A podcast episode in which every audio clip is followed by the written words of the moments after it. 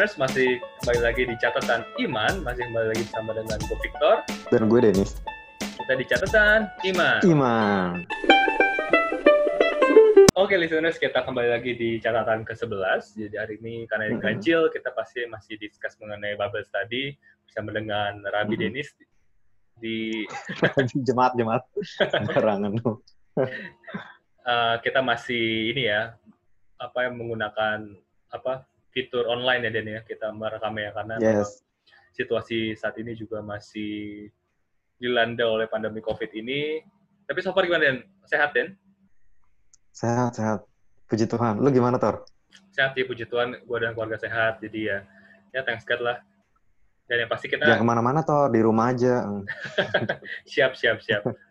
Ya pasti kita kita kita juga mendoakan ya Den, ya, buat eh, teman-teman kita di sana yang di luar sana yang mungkin eh, sedang terkena penyakit ini biar bisa cepat sembuh ya. Yes yes. Juga mungkin bisa Bener banget. dan juga baik teman-teman yang mendengarkan ini semua bisa dapat penguatan juga ya melalui uh, podcast ini gitu ya. Bener bener bener banget. Oke, eh, hari ini kita akan membahas mengenai apa nih Den? Hari ini mungkin eh, karena gue percaya maksudnya memang eh, banyak dari kita yang terdampak ya baik secara eh, kesehatan maupun eh, ekonomi Betul. maupun mungkin eh, ada beberapa juga dari kita yang kehilangan orang yang kita sayangi gitu gara-gara eh, pandemi ini gitu ya baik iya, iya. eh, oleh karena pandemi atau atau bukan gitu Hmm. jadi hari ini kita akan ngebahas orang yang sama nih di Alkitab yang dia juga mengalami hal yang eh, hal yang sama gitu lah tapi Hmm. lebih parah gitu maksudnya di mana dia kehilangan harta bendanya ekonomi kemudian dia Oke. juga kehilangan anak-anaknya which is yang dia sayangi Hmm. kemudian dia sendiri juga kehilangan kesehatannya. Jadi dia cuma nggak Hmm. cuma kelihatan kehilangan harta benda atau orang yang dia sayang, dia sendiri kehilangan kesehatannya. Jadi ini triple nih. Hmm, Dia udah oke. kehilangan. Dia boleh dibilang dia kehilangan semuanya lah. segala aspek dalam Gitu. kehidupannya benar-benar ya diuji ya. Segala aspek betul Hmm, oke oke. gitu. oke. Jadi eh, tujuannya apa? Tujuannya untuk bisa mengencourage kita semua sih. Maksudnya kenapa sih hal-hal kayak gini bisa terjadi ya gitu. Hmm, Kenapa hal-hal oke. ya mungkin istilahnya apakah banyak dari kita yang mu- mungkin berpikir gitu eh, apa ini kita berdosa ya? Gitu. Maksudnya apa? Hmm. ini karena dosa gua apa ini adalah judgment dari Tuhan? Apa ini Hmm, adalah hmm. mungkin eh, kutukan yang mungkin dulu pernah gue lakuin nih. Maksudnya kayak kejahatan yang pernah gue lakuin Hmm. dulu terus kita udah bertobat tapi belum dibalas nih. Jadi eh, mungkin kita mau make it straight aja. Maksudnya kenapa sih mungkin hal-hal buruk bisa terjadi kepada mungkin orang Kristen maupun orang-orang yang percaya Tuhan gitu sih Hmm, oke, oke. mungkin kalau kita semua kalau lu udah tahu nih dari kriteria ini kira-kira siapa tuh Nah, kalau Top gua bisa te- boleh tebak ini Ayub nih kayaknya nih. wah bener, Bener Tor. bener betul banget sih Iya iya iya.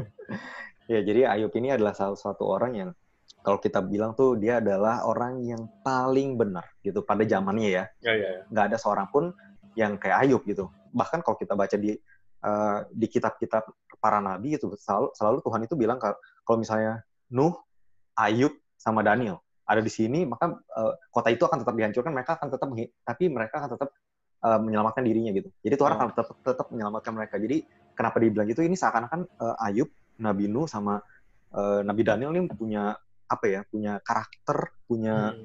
perbuatan yang benar-benar gitu ya. gitu makanya Iya spesial sampai Tuhan tuh eh, beberapa kali ngomong tentang nge- ngebandingin kota-kota yang jahat itu kalau misalnya ada tiga orang benar ini sekalipun gitu ya Hmm. mereka hanya akan menyelamatkan dirinya sendiri jadi dari situ kita tahu bahwa sebenarnya mereka bertiga ini adalah orang-orang yang mungkin uber righteous lah uber righteous tuh benar-benar benar gitu hidup hidup benar-benar Hmm. eh, spesial gitu benar-benar fokus pada Tuhan gitu Hmm, oke oke Dan- oke. Ah, ah. sebelum kita masuk mungkin kita bahas baca dulu pendahuluannya kali ya. Jadi Oh, ada oke, oke. buat teman-teman yang belum pernah baca ayat Hmm. tentang Ayub gitu. Jadi udah ada gambarannya sedikit. Oke, gue bacain aja. Dan bacanya dan bacanya di kitab Ayub Kenapa? juga. Di kitab Ayub. Sesuai dengan Ayub. namanya ya.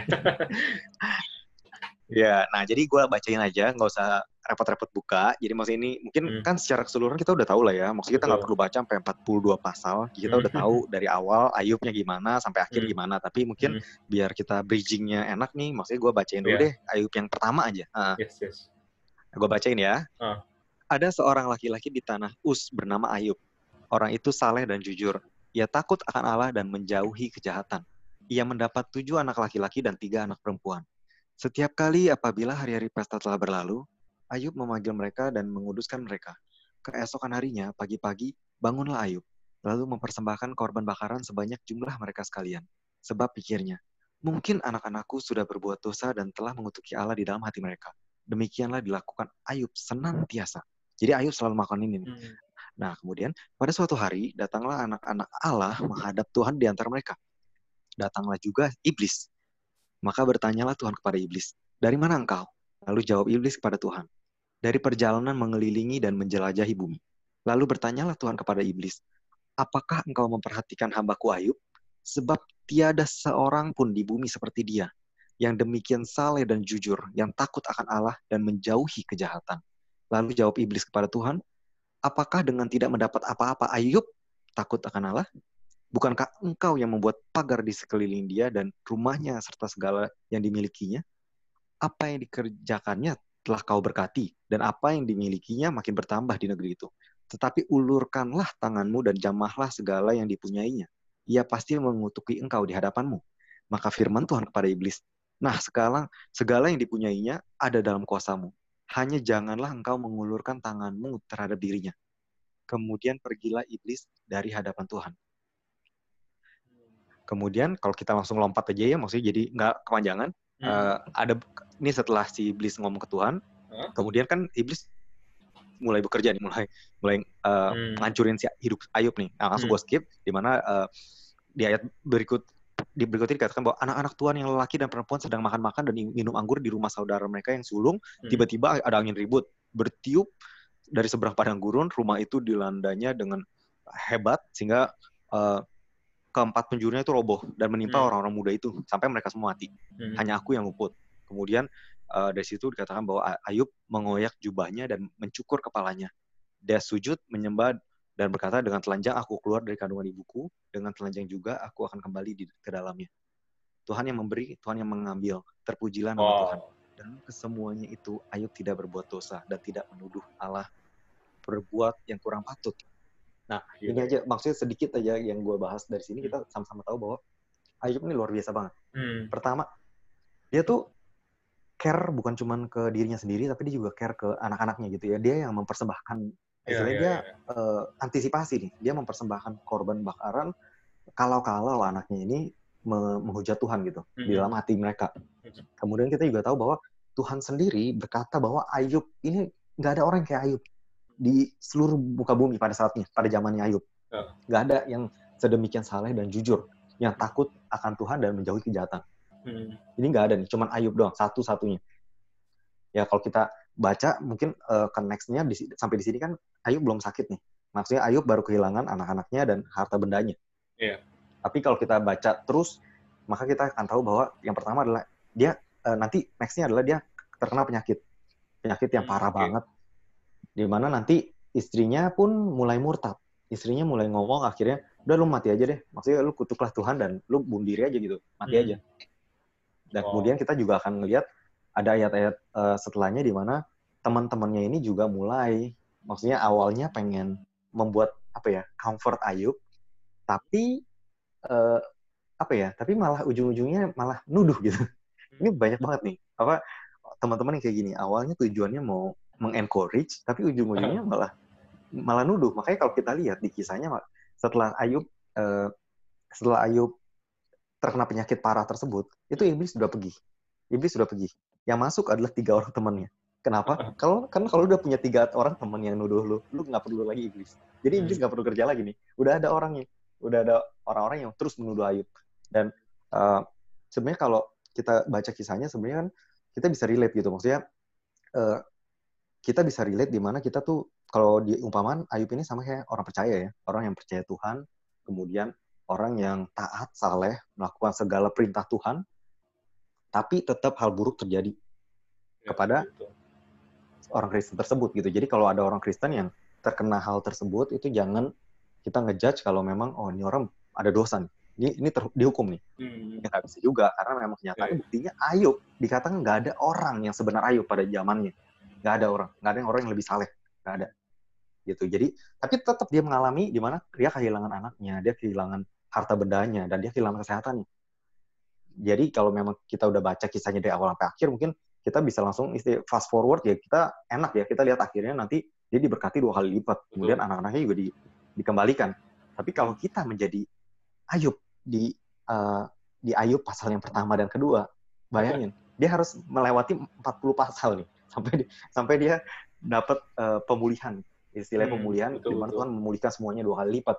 Dan di sini gue juga mau uh, sedikit sorot di mana kalau tadi kan gue udah bilang uh, ketika tuh uh, ketika iblis datang ke Tuhan ini iblis ini ngomong tentang Ayub kan ngebahas tentang Ayub. Nggak ngebahas tentang sebenarnya tentang anak-anaknya. Tapi tiba-tiba anak-anaknya dibunuh gitu aja ngerti anak-anaknya dibunuh gitu aja tanpa perlu minta izin lagi ke Tuhan. Betul. Benar nggak sih? Maksudnya kadang ya, ya, ya. adil nggak sih? Maksudnya kayak kok begitu banget? Nah kata kuncinya sebenarnya kita udah baca dari yang pertama tadi uh, Ayub sebagai seorang ayah dia anak-anaknya hujat Tuhan. Dia juga yang mau pernah korban bakaran. Dari kita bisa ambil kesimpulan kemungkinan ini ini opini ini opini kemungkinan besar anak-anak tidak intim dengan Tuhan. Anak-anaknya ini tidak dekat dengan Tuhan. Dan sama seperti yang kita udah tahu bahwa kalau kita tidak percaya dengan Tuhan atau kita dekat dengan Tuhan, ya kita nggak uh, menyalahkan kalau memang istilahnya hal buruk terjadi ya. Maksudnya memang hmm. uh, kalau Tuhan nggak rasakan perlindungan, jadi kalau kita keluar dari perlindungan Tuhan, kita nggak intim dari Tuhan ya sering kali maksudnya bahkan iblis mungkin nggak perlu nggak perlu minta izin gitu maksudnya dia hmm. langsung mati gitu aja gitu ya, ya, langsung ya. mati di situ uh, makanya kita penting banget kita intim ke Tuhan karena Tuhan nggak akan memaksakan perlindungannya untuk terus meraih kita walaupun kita mau keluar. Nah, jadi intinya kita yang harus masuk ke perlindungan Tuhan. Itu ah. tapi perlindungan itu selalu ada gitu. Betul hmm. betul. Sama mungkin itu juga yang yang Ayub, dan, Ayub Ayub mention uh, juga ya hmm. di di ayat terakhir ya bahwa kayak buku itu itu ada hal yang hal yang juga perlu kita pelajari sih bahwa kayak Ayub sadar bahwa kayak ya Tuhan yang memberi Tuhan yang mengambil gitu jadi kayak nyawa itu datangnya dari Tuhan dan kalau anda memang uh, memang sudah saatnya dikembalikan itu juga haknya Tuhan jadi kayak bukan haknya kita yang bilang bahwa kayak oh nggak boleh dia meninggal nggak boleh dia meninggal kalau cepat hmm, dia meninggal bener toh kan yang memberikan juga Tuhan gitu kan. Good good good, good. bener banget sih. Dan ke, maksudnya kalau kita mau bahas dari awal sampai akhir ini panjang banget. Cuman mungkin kita udah tahu akhir yang sebenarnya tuh tuh pengen apa sih dari hmm. kenapa Tuhan mengizinkan terjadi? Gitu loh. Nah kita, kita udah sama-sama tahu ini Tuhan pengen membawa Ayub lagi dan yang reveal diri dia sebenarnya. Karena kita tuh kalau kalian baca ke pasal yang kedua Ayub mulai gitu. Sebelumnya aku dengar tentang sekarang mataku melihat engkau. Jadi ini mataku ini maksudnya adalah uh, dia mendapatkan pewahyuan khusus gitu tentang siapa sih Tuhan sebenarnya. Kalau sebelumnya hmm. dia cuma ya ritual sebelumnya yeah, dia cuma yeah. ritual ya udah gue berbuat baik. Semuanya perbuatan gak ada hubungan. Maka kita lihat setelah dia pasal yang keempat dua itu dia lebih dari hubungannya. Dan setelah dia yang keempat dua pasal yang 42 kita bukan lagi di mana Ayub mempersembahkan korban. Nggak lagi. Jadi hmm. kalau awalnya tuh dia terus mau kayak ritual jadi ber, bukan berdasarkan hubungan tapi berdasarkan kayak ritual ada yang dia lakukan terus which is kayaknya Tuhan tuh demanding banget dan kayaknya kalau dia ngelakuin kalau kita ngelakuin itu tuh Tuhan marah gitu nah kalau ya, kita ya. lihat di ayat setelahnya di akhir Ayub itu udah apa mood ambience daripada hubungan Ayub dan udah berbeda berdasarkan hmm. apa ya bukan kayak pekerja ya, maksudnya lebih ke ya. hubungan antara Tuhan dan hambanya gitu. Bener. Dan uh, sebelum kita masuk di ayat yang terakhir, mungkin kita mau bahas gimana caranya sih ketika kita ngeliat orang Kristen yang mungkin kena musibah sama seperti Ayub, apa sih yang maksudnya mungkin kita bisa pelajari dari teman-temannya Ayub nih. Karena tadi hmm. itu gue udah bilang, teman-temannya Ayub nih awalnya pengen encouraging, tapi ujung-ujungnya malah dia yang malah accuse Ayub gitu, malah dia yang nuduh-nuduh si Ayub ya nggak bener nggak bener lah hmm. nah mungkin ini kita bisa pelajari gitu jadi intinya adalah dari tiga teman ini mereka semua meng, uh, berkata tuh Ayub itu salah. Yang pertama ya gue kasih tau deh dari temennya yang pertama itu Elifas. Elifas ini menuduh Ayub berdasarkan pengalaman. Di Ayub 4 ayat yang ke-7 dikatakan camkanlah ini. Siapa binasa dengan tidak bersalah dan di manakah orang yang jujur dipunahkan? Hmm. nah dari dari statement ini dia tuh udah jelas-jelas menuduh Ayub itu bersalah nyindir-nyindir gitu ya. Ayub itu iya, Ayub itu jelas-jelas nggak jujur, makanya dia dipunahkan. Maksudnya hmm. jadi cuma dipakai kata reverse-nya aja gitu loh. Yeah, yeah, yeah. Nah masalahnya ini tuh nggak benar gitu, karena hmm. kenyataannya kalau kita ngomong banyak juga orang Kristen yang dipersekusi gitu ya, maksudnya bahkan banyak juga yang martir kan.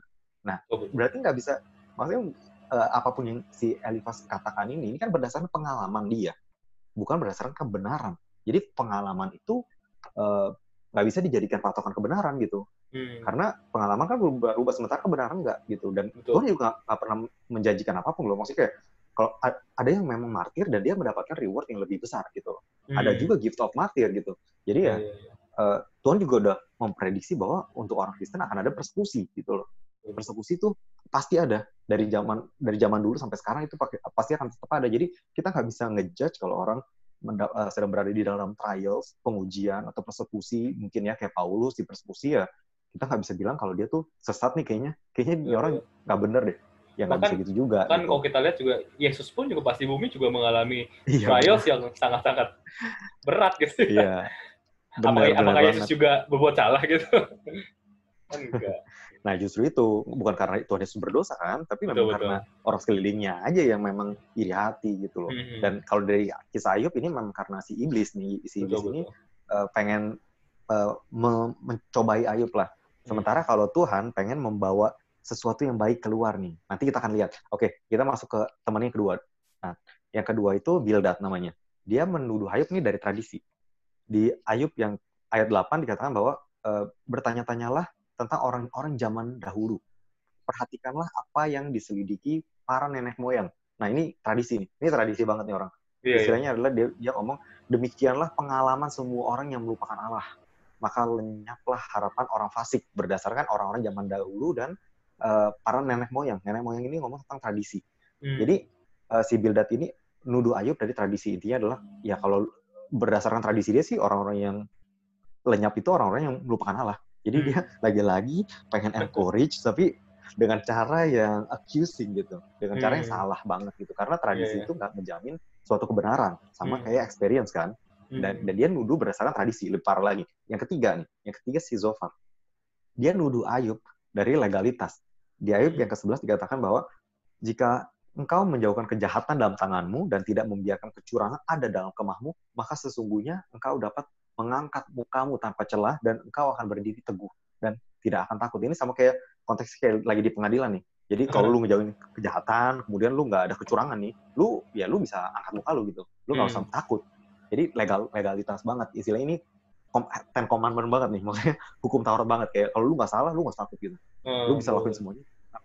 Nah, si Zofar ini intinya kalau dari kata-kata ini ya sebenarnya sih si Zofar menuduh Ayub kalau dia itu jahat, dia itu bersalah, dia itu yeah. makanya dia dia itu istilahnya dia itu ber, uh, berada di persekusi, berada di trial saat ini tuh karena memang dia bersalah gitu. Hmm. Sama kayak yang lainnya intinya basically tiga orang temennya ini nuduh Ayub ini berdosa dan suruh Ayub ini bertobat karena dosa-dosanya. Ini betul, betul. sadis banget gitu awalnya dia mau comfort, ujung-ujungnya dia malah nuduh gitu. Ini gara-gara lu berdosa, ini gara-gara lu begini, gara-gara lu berdasarkan pengalaman mereka, tradisi mereka, kemudian legalitas mereka gitu. Hmm. Jadi masalahnya mereka kan nggak tahu gitu. Ini kenyataan ini di Ayub melalui cobaan ini bukan karena Ayub berdosa gitu loh. Hmm. Tapi Ayub dapat cobaan ini justru karena dia benar. Yeah, iya, Kebalikannya yeah, yeah. gitu. Nah, makanya ini ini bahaya banget nih untuk kita uh, untuk kita ketika kita mau comfort seseorang dengan menunjukkan diri mereka, maksudnya dengan kita menjudge mereka. Ini gara-gara lu begini, ini gara-gara lu begini, ini gara-gara lu begini. Karena orang tersebut akan ngebela diri mereka. Dan kalau lu baca kisahnya nih, Ayub itu akhirnya setelah e, berargumen dengan mereka, Ayub itu tuh ngucapin kata yang cukup keras ketiga temannya dan dia juga ngomong dia itu benar. Jadi oh. dia membela diri akhirnya. Karena yeah, yeah. dia tuh kan dihina, hina, hina dia itu di uh, dituduh, iya ditekan akhirnya kalau dia merasa ditekan ya dia bela diri akhirnya hmm. keluarlah salah satu uh, ini adalah sifat yang Tuhan pengen Ayub tahu nih sifat di mana dia tuh punya sikap self righteous jadi dia pikir bahwa kebenaran yang dia miliki itu karena dia berbuat baik dia hmm. bilang bahwa dia adalah menjadi mata bagi orang buta kemudian ayah bagi para yatim kemudian kalau lu baca dia juga menjadi apa ya kayak suami bagi para janda maksudnya dia hmm. kebantu banyak orang lah ya, ya, nah ya. itu mulai keluar tuh Nah inilah yang sebenarnya tujuan daripada Tuhan mengizinkan hal-hal yang mungkin tidak mengenakan terjadi di dalam diri kita adalah hmm. karena uh, apa ya kadang tuh kita nggak tahu di dalam hati kita tuh ada apa hmm. sampai kita tuh ditekan, di push kayak kayak kayak buah jeruk gitu Lu nggak akan tahu apa di dalam isinya sebelum itu diperes. Hmm. Nah ini sama nih jadi Tuhan izinkan trials yang terjadi di Ayub kan untuk menghancurkan Ayub, tapi untuk mengetahui apa di dalam hatinya si Ayub nih. Karena hmm. ternyata kita baru tahu kalau ternyata uh, hubungan dia dengan Tuhan tuh sebatas oh, karena gue benar loh, hmm. gue benar. Dan akhirnya dia menantang Tuhan juga. Hmm. Coba kalau Tuhan ada kelihatan, coba kalau ada mediator di mana gue bisa reason atau bernalar dengan Tuhan. Hmm. Kenapa ini terjadi? Maksudnya kayak gila banget gak sih? Maksudnya yeah, yeah. manusia bisa ngomong kayak gitu. Maksud gue tuh amazed banget. Awalnya tadi dibilang Ayub itu saleh, Ayub itu benar. Tiba-tiba keluar di mana Ayub itu dalamnya ternyata hati dia itu punya gue benar loh karena hmm. gue udah ngelakuin itu. Nah ini yang salah ini karena ini adalah mental di mana uh, manusia berpikir bahwa kita itu ketika kita ngelakuin kebenaran kita itu menguntungkan Tuhan loh Hmm. Kita itu membawa Nah ini masalahnya adalah kita nggak lebih mulia ketika kita melakukan kebenaran. Kita tetap berdosa dan kita nggak nggak menguntungkan Tuhan apa pun kalau kita ngelakuin betul, betul, kebenaran apa pun. Itu kalau kita ngelakuin perintah Tuhan itu untuk keuntungan kita, bukan yeah. untuk ke keuntungan Tuhan. Jadi ini adalah sesuatu yang yang salah nih. Hmm. Dan kelakuan baik yang kita lakukan itu nggak pernah bisa membenarkan kita di hadapan Tuhan. Karena hmm. kita memang udah berdosa gitu loh. Yeah, yeah. Harusnya itu menjadi sesuatu yang memang kita lakukan untuk diri kita sendiri dan kita nggak bisa menyombongkan itu karena itu kita lakukan untuk diri sendiri kan untuk kebaikan kita kan jadi hmm. nggak hmm. bisa lu bawa argumen ini ke Tuhan lu bilang kayak seakan-akan lu tuh benar nggak bisa gitu makanya ketika Tuhan datang ya mulailah kan Ayub menantang Tuhan dia mau me, bernalar nah mulailah Tuhan Tuhan bilang lu di mana ketika gue buat kayak Orion Belt maksudnya uh, bumi dan segala isinya yeah, ketika yeah. bumi itu diciptakan lalu lu di mana kan lu tahu lu pintar lu bijak lu benar buktikan gitu dan hmm. akhirnya dari situ baru sadar gitu ayo baru sadar bahwa Tuhan itu sebesar itu dan akhirnya kita sama-sama tahu gitu bahwa akhirnya Ayub e, berkata di ayat yang terakhir tuh dia membenci dirinya maksudnya dia baru nyesel gitu. Dia menyesal hmm. bahwa dia udah men menyombongkan kebenaran dia di hadapan Tuhan. Karena nggak ada artinya. Tuhan tuh begitu besar. Nggak ada artinya satu orang berlaku benar. Untuk Tuhan tuh nggak nggak menambahkan kemuliaan Tuhan nggak menambahkan apa ya nggak menambahkan kebesaran Tuhan gitu loh. Hmm. Karena memang ya yang kita lakuin juga sebenarnya basically itu karena Tuhan sayang kita kan. Jadi yeah. Tuhan mau memberkati kita ya memang it, itu harusnya kita bersyukur karena Tuhan kasih tahu apa yang kita bisa lakukan untuk bisa uh, mendapatkan kehidupan yang lebih baik. Bukannya hmm. kita ini kita kayak seakan-akan kita menguntungkan Tuhan itu salah. Yeah, gitu yeah, loh. Nah ini yang emang pengen Tuhan uh, Tuhan munculkan atau Tuhan uh, pengen reveal di dalam diri Ayub nih. Ada hmm. namanya self righteousness tersebut. Ada kesalahpahaman tentang uh, ayu kepada Tuhan misalnya kayak balik lagi kayak tadi ritual-ritual itu seakan-akan demand dari Tuhan untuk keuntungan Tuhan nah ini yang sebenarnya pengen diubah daripada si Ayub ini. Karena setelah ini kalau ya tadi gue bilang bahwa dia nggak lagi terus nggak nggak dikatakan lagi dia setiap harinya dia memberikan korban, korban bakaran atau apa pun yeah. gitu. Betul, jadi betul, betul. ya makanya Tuhan itu memang tujuan Tuhan itu uh, memberikan kita komitmen sebenarnya adalah untuk kebaikan kita. Dan hmm. dia yang terutama yang dia pengen bukanlah korban, korban bakaran tapi hati kita sebenarnya. Hati kita dan kalau kita baca tuh ya di misalnya di Yakobus 5 ayat 11 nih dikatakan hmm. bahwa sesungguhnya kami menganggap berbahagia mereka yang tabah kamu telah mendengar ketabahan Ayub dan melihat maksud Tuhan pada akhirnya bahwa Tuhan itu penuh belas kasih dan murah hati. Yes. Wow. Nah ini tujuannya. Jadi tujuannya Tuhan itu pengen kasih tahu ke Ayub kalau Tuhan itu tuh bukan Tuhan yang demanding, bukan Tuhan hmm. yang lu harus begini, lu harus begitu, baru gua sayang sama lu. Bukan gitu. Karena yeah. Dikatakan bahwa Tuhan pengen kasih tahu ke Ayub pada akhirnya adalah bahwa Tuhan itu adalah Tuhan penuh, penuh belas kasih gitu. Tuhan yang murah hati, bukan bukan Tuhan yang penuntut, penuntut gitu. Hmm. Setuju, Makanya itu dia yang uh, jadi kalau kita baca secara keseluruhan gitu ya, mungkin maksudnya kita nggak bisa ngejudge siapa pun yang sedang mengalami trials pada saat ini. Hmm. Ya mungkin aja memang ada benernya bisa juga karena dosa dan kalau karena dosa ya itu maksudku tuh ya harusnya orang itu udah tahu. Dia juga nggak akan ngebela diri bener gak sih? Maksudnya yeah, yeah, betul. kayak Ayub ini dia bela diri karena dia dia nggak ngerasa. Dia ah. nggak oh. ngerasa. Gue bener kok. Tapi kalau memang itu kan dosa lu ya lu nggak usah diingetin lagi juga. Lu udah sadar ini emang karena oh. gue sih. Iya gak sih? Yeah, yeah. maksudnya ini tapi sebagai temennya ngapain juga? Kadang gue mikir juga ini teman-temannya ya dia approach lagi approach lagi ya. Sebenarnya untuk orang kalau dia berdosa dia sadar. Nggak usah kita nggak usah ingetin lagi nih gara-gara dosa lu yang ini dosa yang ini. Orang itu pasti sadar sendiri karena kisah Ayub ini kan udah parah banget kan maksudnya kayak dia tuh kehilangan almost everything kecuali istrinya ingat cuma istrinya yang nggak hilang kenapa hmm. karena kalau menurut gua ya ini opini di mata Tuhan tuh ketika uh, suami menikah dengan istri, maka mereka satu daging. Dan dikatakan kan Tuhan nggak hmm. memberikan Ayub. Nyawa hmm. Ayub jangan disentuh. Nah, maka di mata Tuhan tuh Ayub dan istrinya ini satu, maka iblis nggak hmm. bisa sentuh istrinya. Hmm. Padahal istrinya itu suruh Ayub murtad dan suruh Ayub bunuh diri ya. bunuh diri. Ini gila banget. Kebayang gak sih lu punya istri kayak gitu? Iya, iya, iya. Encouraging banget, encouraging banget. Dan uh, maksudnya gue pengen encourage kalian juga sih. Maksudnya kan uh, di zamannya sekarang nih, krisis ekonomi, terus juga mungkin banyak orang yang kehilangan pekerjaan, kesehatan, dan juga apa ya, uh, kes, uh, orang yang disayang gitu ya. Nah, yang gue mau kasih tahu adalah bahwa Tuhan tuh pengen reveal diri dia tuh penuh belas kasih dan murah hati karena kita lihat di ayat yang terakhir di pasal 42 Ayub itu dipulihkan dua kali iya. lipat yeah. daripada segala sesuatu yang dia hilangkan gitu. Jadi gue percaya ini juga untuk kita semua di mana kita selama kita tetap tabah dikatakan bahwa sesungguhnya kami menganggap berbahagia mereka yang tabah. Nah ini yang kita harus lakukan. Mari kita sama-sama tabah. Jangan kita kayak Ayub, maksudnya berusaha membenarkan diri sendiri. Kita bisa mengirit. Kita nggak perlu melewati 40 pasal yang Ayub udah lewatin. Karena kita tahu nih, maksudnya kita tinggal merendahkan diri kita kita kita ngomong ke Tuhan kita minta tolong kepada Tuhan dan gue percaya kalau Tuhan itu Tuhan itu adil. Jadi hmm. kalau memang kita tidak bersalah dan ini terjadi pada kita semua maka Tuhan itu wajib untuk memulihkan. Ini ada karena itu janji Tuhan. Dia akan merestore everything that uh, the locust has eaten gitu apa pun yang memang si belalang si belalang ini tuh uh, gambar daripada iblis gitu ya. Apa pun yang si iblis sudah curi dan itu memang tidak dicuri berdasarkan sesuatu yang legal, maksudnya bukan karena kesalahan kita nih, tapi karena hmm. memang kayak Ayub gitu kisahnya, maka Tuhan akan pasti akan uh, memulihkan kita minimal dua kali lipat. Dan sebelum gue membuat kalian takut dengan kisah Ayub, kalian harus tahu bahwa kisah Ayub ini dikatakan uh, tiada orang yang seperti Ayub ya. Iya kan hmm. tadi gue udah bilang tiada orang yang seperti Ayub. Jadi most of us nggak akan mengalami pencobaan yang Ayub alami.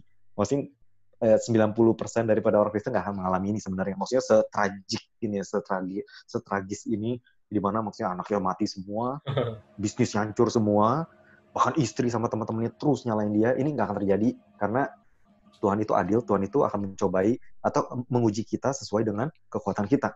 Nah mungkin tiba-tiba kita nggak kuat diuji sama kayak Ayub. Nggak, hmm. nggak mungkin. Jadi maksudnya jangan jangan takut dan kalau teman-teman baca di gue lupa di pasal yang ke-30-an plus di, di mana Ayub tuh bilang dia berharap dia punya mediasi, mediator untuk ngomong ke Tuhan. Nah, Ayub nggak punya, kita punya. Kita punya Tuhan Yesus. Tuhan Yesus ini sebagai our high priest, imam besar kita terus berdoa kepada Tuhan. Jadi kita nggak perlu lagi terlalu khawatir, maksudnya ini akan ini atau X sesuatu yang seburuk ini untuk terjadi ke diri kita. Tapi kalau memang ini terjadi, lihat bahwa ujung-ujungnya adalah baik Tuhan tuh membawa Ayub lebih tinggi lagi karena Ayub tuh nggak diberkati besar daripada mampuannya untuk diberkati oleh Tuhan. Jadi kalau dia masih punya satu apa ya, ini self righteous di dalam dirinya, Tuhan nggak bisa bawa dia lebih tinggi. Dan sementara Tuhan tuh pengen membawa kita tuh dari glory ke glory gitu, dari menjadi seperti Tuhan Yesus gitu. Dia pengen mereveal dirinya lebih lagi. Makanya Ayub ini diizinkan melalui trials yang benar-benar tragis. Tujuannya adalah bukan cuma untuk membawa Ayub lebih tinggi, tapi tujuannya supaya Ayub memiliki pengenalan yang lebih baik dengan okay. Tuhan gitu. Dengan dia juga lebih baik lagi. Tapi ya bukan berarti kita semua harus expect ini terjadi gitu. Maksudnya karena ini gue udah bilang bahwa kita punya mediasi sekarang, kita punya mediator Tuhan Yesus dan yang kejadian di Ayub ini adalah Ayub ini adalah orang yang satu-satunya yang paling benar pada saat itu. Jadi mungkin 90% dari kita nggak akan mengalami setragis Ayub, tapi kita juga, gue percaya ya selama kita di dunia ya persekusi akan terus ada. Maksudnya kita akan uh, apa ya mengalami hal-hal yang mungkin tidak menyenangkan. Cuman ya, gitu loh. Ya, misalkan misalkan kayak hmm. ada ada orang yang mikir gitu, misalkan kayak uh, memang betul kan maksudnya kan mungkin most of us kan mungkin nggak akan mengalami seperti apa yang Ayub alami kan, karena kan mungkin juga most of us juga tidak sesaleh ataupun setaat iya, Ayub, Ayub sebenar kan. Ayub, iya. benar. Uh. Cuman ya pasti kan maksudnya uh, kita percaya bahwa semua orang pasti kena kena dengan tantangan Betul. lah ya masalah gitu kan. Benar. Nah, to some degree ya, to some degree. Hmm, ah. Gimana kayak jadinya kayak orang-orang yang mikir mikir kayak ya udah kok kira kok apa kalau gitu ya udahlah gue nggak gue nggak perlu kayak bener-bener banget lah kayaknya kok semakin bener misalnya kalau ke saya ini kelihatannya kayak semakin bener tuh semakin berat gitu kan mungkin ya ya, ya gue percaya Tuhan cuma ya mungkin gue nggak perlu terlalu taat taat banget kali ya ini kalau karena kalau taat banget nanti malah dikasihnya uh, tantangan yang lebih berat lagi. Beban yang lebih berat hmm. ya. Itu menurut gimana, deh? Ya menurut gue sih itu berarti sebenarnya kita belum benar-benar uh, mengerti atau belum benar-benar hmm. mengenal Tuhan sih. Okay. Kita belum benar-benar mengenal Tuhan kalau memang kita masih ngomong kayak gitu karena memang purpose kita di dunia ini adalah untuk mengenal Tuhan. Itu pertama. Kedua untuk menjadi seperti Tuhan Yesus.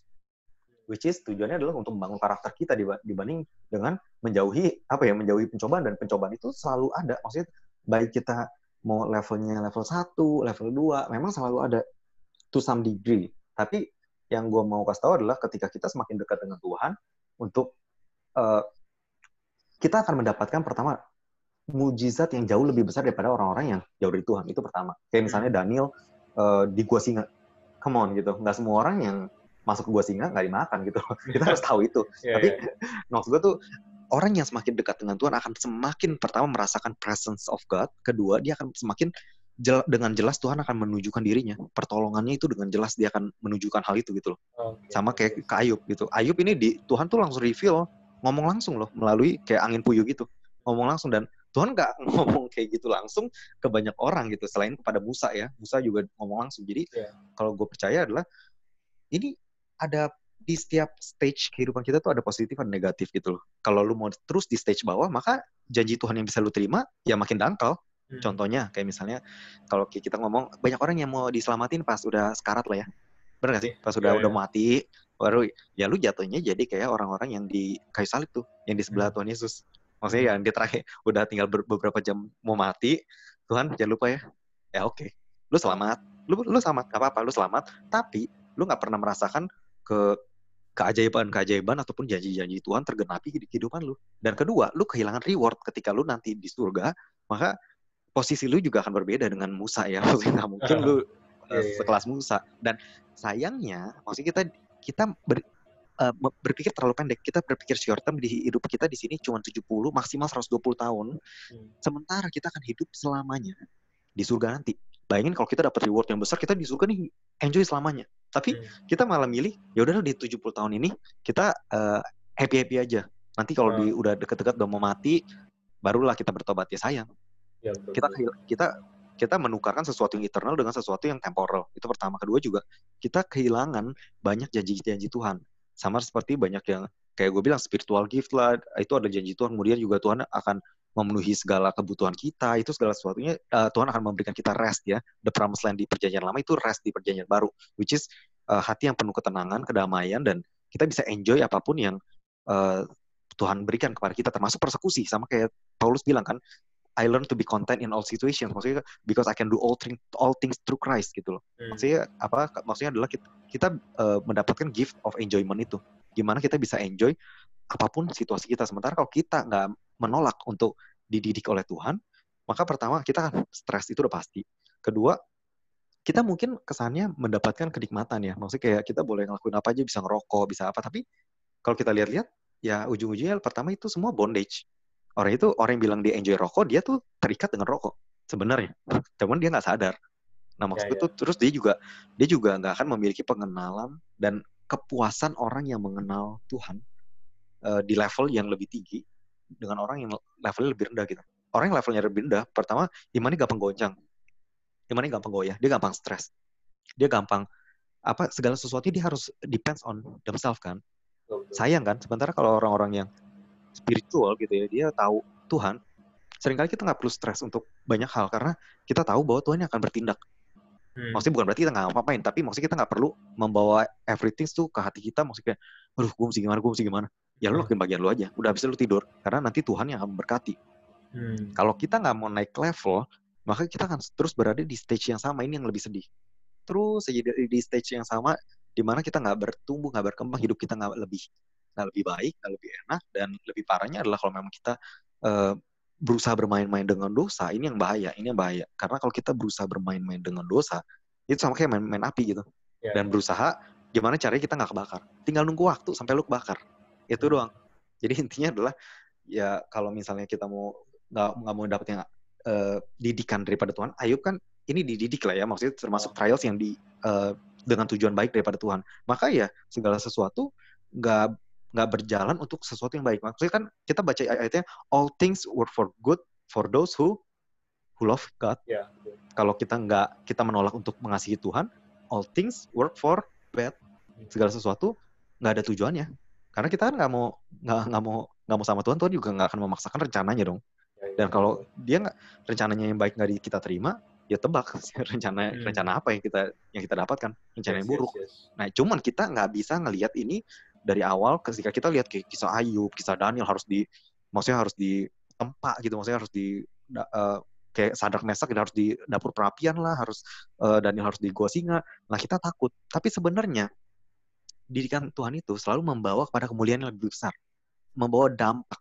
Sementara kalau misalnya kita di luar daripada Tuhan, si iblis bisa lebih parah sama kayak anak-anak Ayub tadi langsung hmm. dibangkrutin uh, dibunuh sampai kayak kalau kita mau tetap merokok hidup nggak benar ya maksudnya lu bisa kena HIV lu bisa kena tuberkulosis segala sesuatu itu sebenarnya lebih parah kalau kita yeah. Iya. berada di luar didikan Tuhan nah makanya marilah jangan berpikir kayak gitu sebenarnya itu adalah pikiran yang salah berarti kita nggak punya pengenalan akan Tuhan kalau kita ngomong kayak gitu karena Tuhan itu mendidik tujuannya selalu supaya kita hidup bukan supaya kita mati sementara kalau iblis iblis itu tentang membunuh, uh, steal, mencuri dan menghancurkan. Ya, Jadi lu pilih, ya. lu, lu cuma ada dua, lu cuma ada dua pilihan. Lu pilih Tuhan yang didik atau lu lu pilih iblis. Iblis akan membawa ke, kesenangan sesaat sama kayak dosa kan. Dosa selalu membawa kita harus membayar lebih daripada yang kita mau bayar dan ujung-ujungnya adalah apa ya? Selalu membawa pada kematian, udah hmm. pasti. Hmm. Ya, ya, ya, betul, Dan nggak ada rewardnya, nggak ada rewardnya. Yes, yes, yes. Very good, very good. Gitu. Nah, uh, kayak tadi gue bilang, ah, ah, gimana tuh? Nah, untuk pertanyaan berikutnya nih, Den. Kira-kira dari kayak apa yang tadi lu ceritakan mengenai dari Ayub, misalnya Ayub dan segala macam, kira-kira kalau kita bisa relevansikan dengan keadaan sekarang ini, misalnya di tengah-tengah pandemi corona ini, kira-kira ada gak sih yang mungkin bisa kita uh, petik poin-poinnya atau value-value dari kisah Ayub ini? Iya, makanya tadi gue bilang uh, ketika memang kita berada di pandemi kan ya, dan kenapa gue bawa ini juga karena banyak orang Kristen yang mau keluar dari gereja. Maksudnya uh, kayak dia bilang bahwa gue udah kasih perpuluhan, gue udah kasih, uh, gue udah salah, gue udah berdoa, gue udah baca Alkitab, ikutin one Bible, ba, ba, apa Bible one year plan ya, Bible one year plan. Iya iya. iya. Terus uh, gue udah kasih persembahan, tapi kok istilahnya kok pandemi ini malah bikin bisnis bangkrut, kemudian kok saudara gue atau mungkin anak-anak gue sampai Ayub malah meninggal karena virus ini kok di mana Tuhan gitu loh maksudnya banyak orang yang juga mungkin bertanya makanya gue makanya gue pengen membawa kisah Ayub ini dengan tujuan ya supaya kita nggak melakukan maksudnya nggak nggak jadi seperti Ayub. Maksudnya nggak di di 40 pasal yang pertama dia men, apa ya dia ber, berpikir bahwa pemikiran dia benar. Gue benar gue udah benar gue udah gue udah gue udah begini gue udah begitu gue udah berbuat baik segala macem. Dan akhirnya uh, banyak orang Kristen yang harus melewati masa lebih panjang daripada Ayub gitu loh. Hmm. Banyak kok mereka yang harus keluar dulu. Nah sebenarnya kan kita kita udah tahu nih tujuan Tuhan tuh kalau memang itu terjadi ke dalam diri kita tujuan Tuhan apa sih? Kan kita udah tahu. Hmm. Jadi kita bisa mengirit waktu. Kita tinggal ngikutin aja langsung di Ayub yang pasal ke-42. Aku hmm. membenci diriku dan aku kini aku melihatmu. Hmm. Jadi kita nggak lagi mengagung, mengagungkan atau uh, apa ya mendewakan pemikiran kita sendiri gitu loh. Tapi kita melihat kepada Tuhan, kita percaya kalau memang Tuhan ujung-ujungnya itu selalu tentang belas kasih, selalu tentang kasih karunia, selalu tentang uh, penuh pengampunan. Hmm. Jadi uh, di pandemi ini tujuan kita harusnya kita nggak perlu sok tahu kenapa ini terjadi, apa segala macam. Gue udah jadi orang benar. Itu berarti lu mendahulukan kebenaran diri lu sendiri, perbuatan baik lu. Nah ya, seharusnya kita bisa mengirit waktu dengan cara ya udah, ya udah Tuhan nggak apa-apa karena kita percaya kita mau expect bahwa di akhir daripada pandemi ini ada restoration yang akan Tuhan bawa. Selama kita tabah. Makanya tadi kan untuk orang-orang yang tabah, berbahagialah orang yang tabah sama seperti Ayub. Hmm. Kalau kita tabah, kita nggak keluar daripada rencana Tuhan, hmm. ya maka gue percaya end ending daripada pandemi ini baik teman-teman mungkin banyak yang kehilangan pekerjaan ataupun bisnis ataupun kesehatan atau percayalah bahwa segala sesuatunya akan berjalan akan bekerja untuk kebaikan bagi orang-orang yang mengasihi Tuhan dan Tuhan pasti akan mampu untuk memulihkan kita. Jangan takut kalau misalnya kita kehilangan kerjaan. Malah justru bisa jadi ini adalah turning point di mana di kehidupan kita ini membawa kita ke tingkat yang jauh lebih tinggi. Nah, jadi setiap pencobaan itu selalu membawa kita either ke tempat yang lebih tinggi atau ke tempat yang lebih rendah. Benar nggak sih? Maksudnya betul, betul. ini dia yang ini dia yang uh, marilah kita sama-sama mengirit waktu. Jadi jangan sampai kita malah dipromosi ke bawah. Marilah kita belajar di Ayub gitu. Langsung aja kita ke ayat pasal yang ke-42, kita bilang bahwa kita merendahkan diri kita, kita tahu bahwa kita salah, kita sadar bahwa kita punya banyak dosa. Mari kita sama-sama mendekatkan diri ke Tuhan. Kita percaya kalau Tuhan tuh lebih besar daripada setan. Pertama, kedua, pandemi ini bukan dikirim sama Tuhan. Pandemi ini dikirim sama setan. Itu udah jelas karena nggak ada penyakit di surga. Cuman yeah. kenapa kalau memang Tuhan izinkan terjadi kepada diri kita, tujuannya bukan untuk menghancurkan kita. Destroy itu adalah iblis. Tuhan itu tentang restoration, tentang penyembuhan, tentang healing, tentang uh, tentang giving, memberi, tentang memulihkan, tentang pemulihan semuanya. Dan kita percaya bahwa setelah pandemi ini berakhir, maka Tuhan mampu kok memulihkan kita sama kayak memulihkan Ayub dua kali lipat, tiga kali lipat, berapa kali lipat. Bisa aja kok, nggak masalah. Yang penting kita punya sikap hati yang benar, dan kita tetap tabah dan mendekatkan diri ke Tuhan supaya kita nggak perlu uh, mengalami depromosi dari sini. Tapi ya bukan berarti tiba-tiba uh, maksudnya di tahun ini juga kita dapat dua kali lipat karena kalau kita baca kan Ayub itu kan dapat lagi anak-anaknya dari istrinya yang sama ya. Dia nggak kawin nggak kawin dua kali. Uh. Jadi kalau lu mau punya anak, lu harus berhubungan dan lu harus nunggu 9 bulan. Nah, hmm. maksudnya berarti ada proses, ada proses. Jadi jangan kalau misalnya tahun ini mana nih kok gue belum dipulihkan? Ya ada ada prosesnya juga. Yeah, iya, memang nggak yeah, yeah. ditulis di Ayu prosesnya berapa lama supaya mengirit kalau misalnya dipros, ditulis satu-satu per hari ya satu satu kita nggak cukup. Makanya langsung yeah. di ayat, pasal yang 42 dibilang bahwa di restore dua kali lipat. Nah cuman kalau untuk kita kan kita hidup per hari. Nah percayalah bahwa Tuhan akan pulihkan kita perlahan juga per step step by step. Ya bisa juga Tuhan kasih instan tapi gue lebih percaya bahwa Tuhan lebih senang kalau kita jalani proses proses gitu oh, proses setuju, supaya kita juga sikap yang kita bisa pelajari. Itu hmm. aja toh yang pengen gue sharing dari kisah Ayub ini. Semoga bisa bermanfaat dan bisa yes, yes. apa ya bisa menjadi comfort untuk di hmm. kehidupan kita bahwa Tuhan itu nggak tentang menghancurkan. Jadi jangan takut kalau setelah ini kita akan mati. Nggak karena memang kalau Tuhan membawa kita lewat dari virus ini maka Tuhan pasti mau kita lebih tinggi lagi. Bukan membawa kita lebih rendah atau lagi menghancurkan kita. Bukan. Jadi Tuhan tuh mau mau merestore atau memulihkan apa yang uh, si iblis ini udah kacaukan nih. Ini kerjaan si iblis, nanti Tuhan pasti akan pulihkan gitu. Jangan yes, takut yes, yes. tentang bisnis, tentang uh, pekerjaan kesehatan, percaya bahwa Tuhan bisa pulihkan, Tuhan mampu dan Tuhan mau. Itu aja. Oke, okay. wow. Yang gue pengen sharing. Very good. Jadi kayak apa yang lo bagikan itu juga mengingatkan uh, gue dan Pastor secara banget sih. Maksudnya kayak mungkin melalui pandemi ini, melalui setiap berita-berita yang kita dengar tuh kayak mungkin jadinya fokus kita tuh sekarang ya fokusnya ke virus ini, fokusnya bahkan mungkin ke diri kita sendiri gitu kan, apa yang kita salah apa dan, dan ketakutan hmm. ketakutan kita mulai muncul.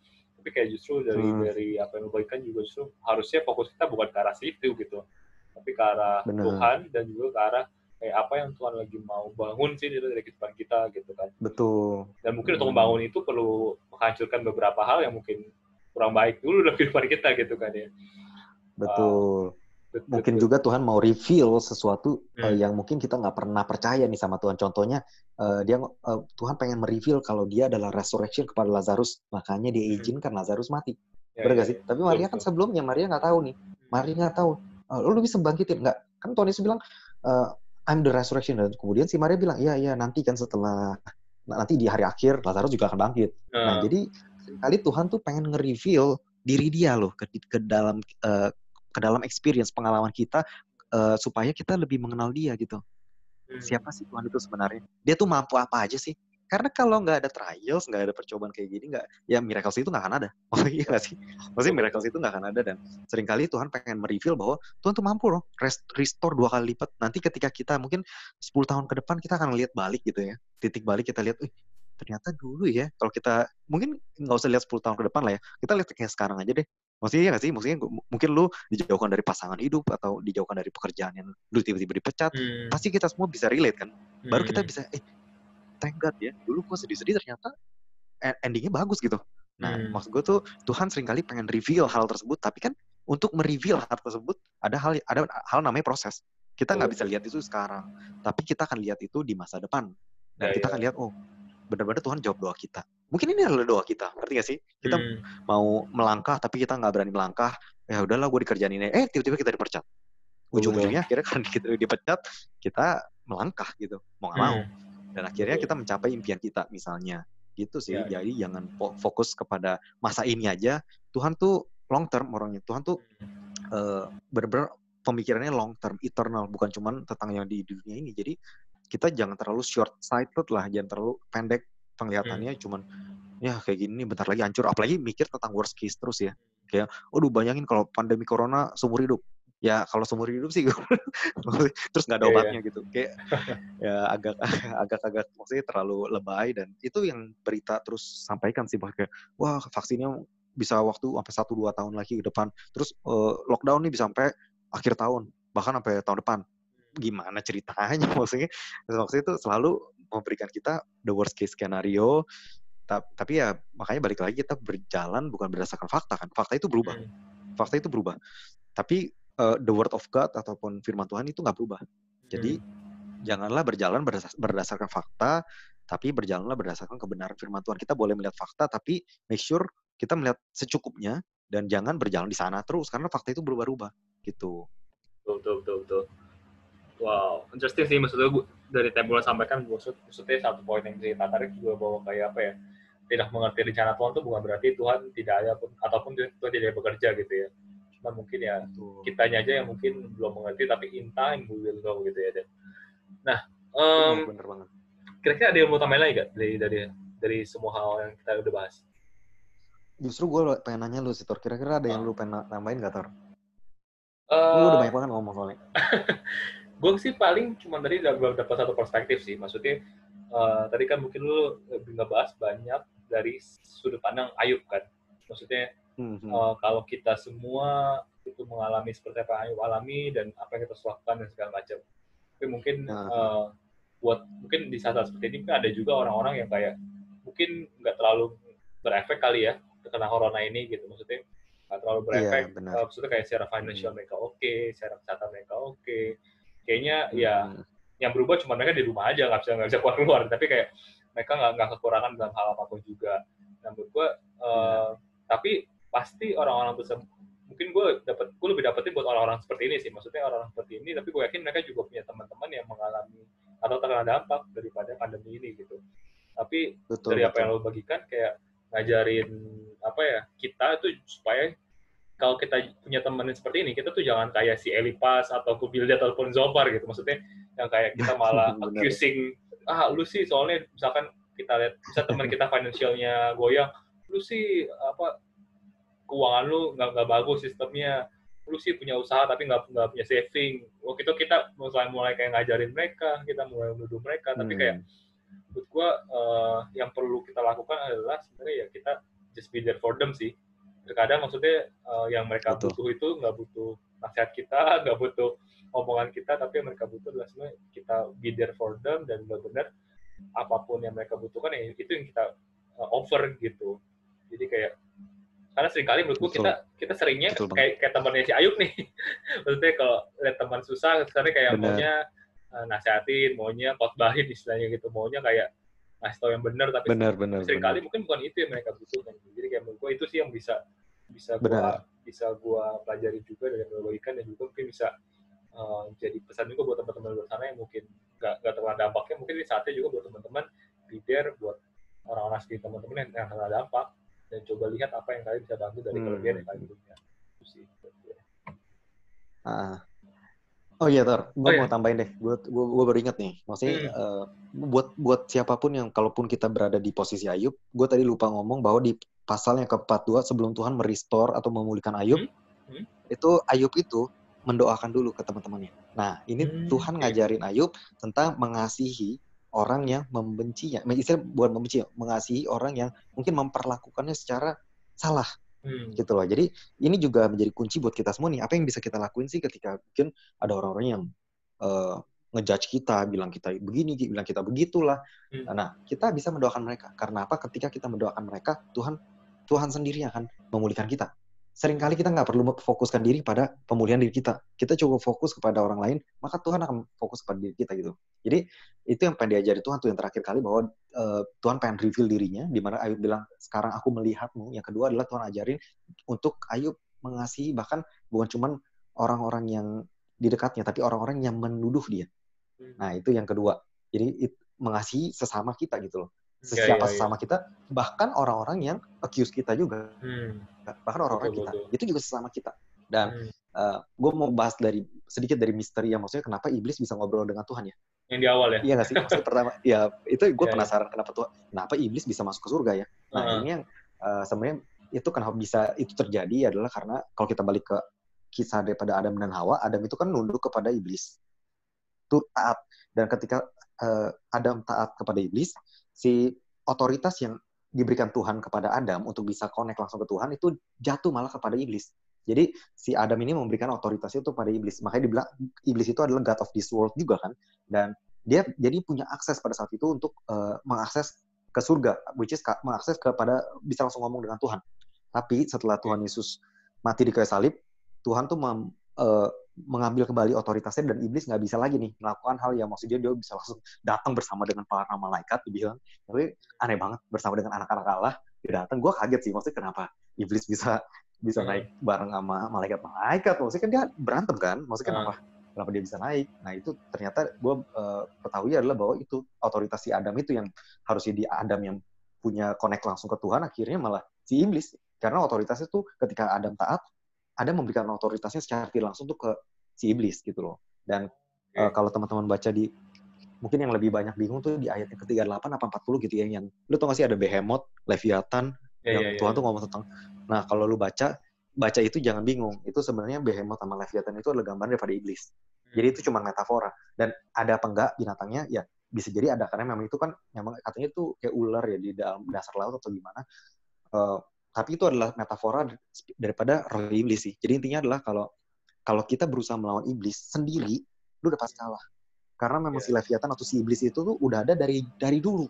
Jadi dia tuh lebih licik dari kita. Dia tahu lebih banyak dari kita. Dia lebih hmm. bijak dari kita. Ya memang karena dia lebih udah ada duluan hmm. dan kita nggak akan pernah bisa datang dengan kekuatan kita sendiri untuk melawan dia nggak mungkin bisa kita perlu Tuhan jadi kita nggak bisa ngelawan si iblis ini sendiri jadi ya, intinya ya, ya. adalah kalau kita baca ini ada behemoth, ada leviathan, siapa yang berani melawan dia? Itu sebenarnya iblis. Maksudnya itu adalah gambar daripada iblis. Janganlah melawan si iblis itu sendiri. Kita harus melawan si iblis itu dengan Tuhan.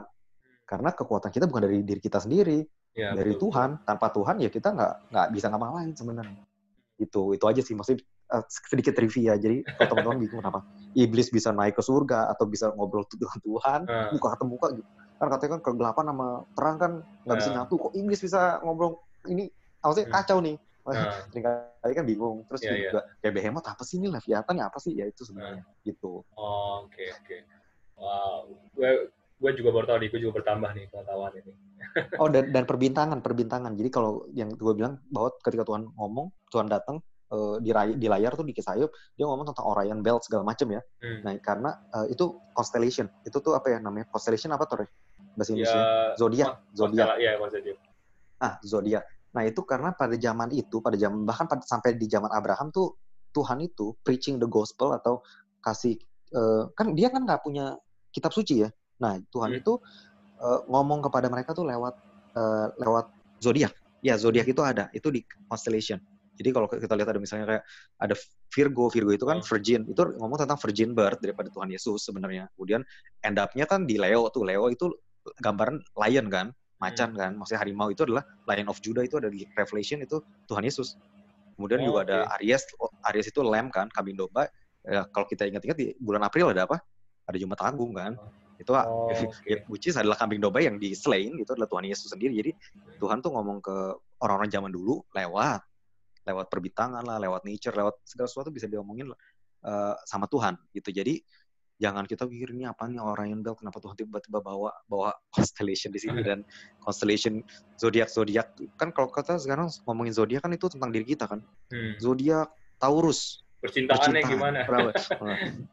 Itu ngaco karena memang semuanya itu ngomongin tentang Tuhan. Tapi kita nggak perlu lagi ngelihat ke zodiak kita udah ada namanya Holy Scripture jadi kita udah ada Alkitab ya nggak perlu lagi dan yeah, yeah. yang ngomong Taurus percintaan itu ngaco semua itu nggak ada itu bukan dari Tuhan dan itu cuma di seleweng selewengin aja tuh hmm. udah itu aja Tor hmm. wow good uh, thank you so much Dan uh, udah uh, udah sharing hari ini dan menurut gue juga kayak apa yang lu bahas hari ini juga kayak memperkaya pemikiran kita sih mengenai kisah Ayub ini. Maksudnya dari kisah Ayub ini kita bisa belajar banyak hal. So thank you banget sekali lagi Den. Dan uh, buat teman-teman semua jangan lupa untuk uh, follow kita punya Instagram di catataniman.id dan tentu juga bisa, bisa uh, kalau punya pertanyaan, punya masukan-masukan bisa langsung uh, direct message kita. Kalau gue di @raditya. Gue di @denis.johan dan thank you for listening dan kita akan ketemu di minggu depan dengan catatan yang berbeda membahas hal-hal juga yang pastinya nggak kalah menarik ya dengan Ani Tapasari. So stay tune hmm. dan see you next week dan gak lupa God bless. God bless.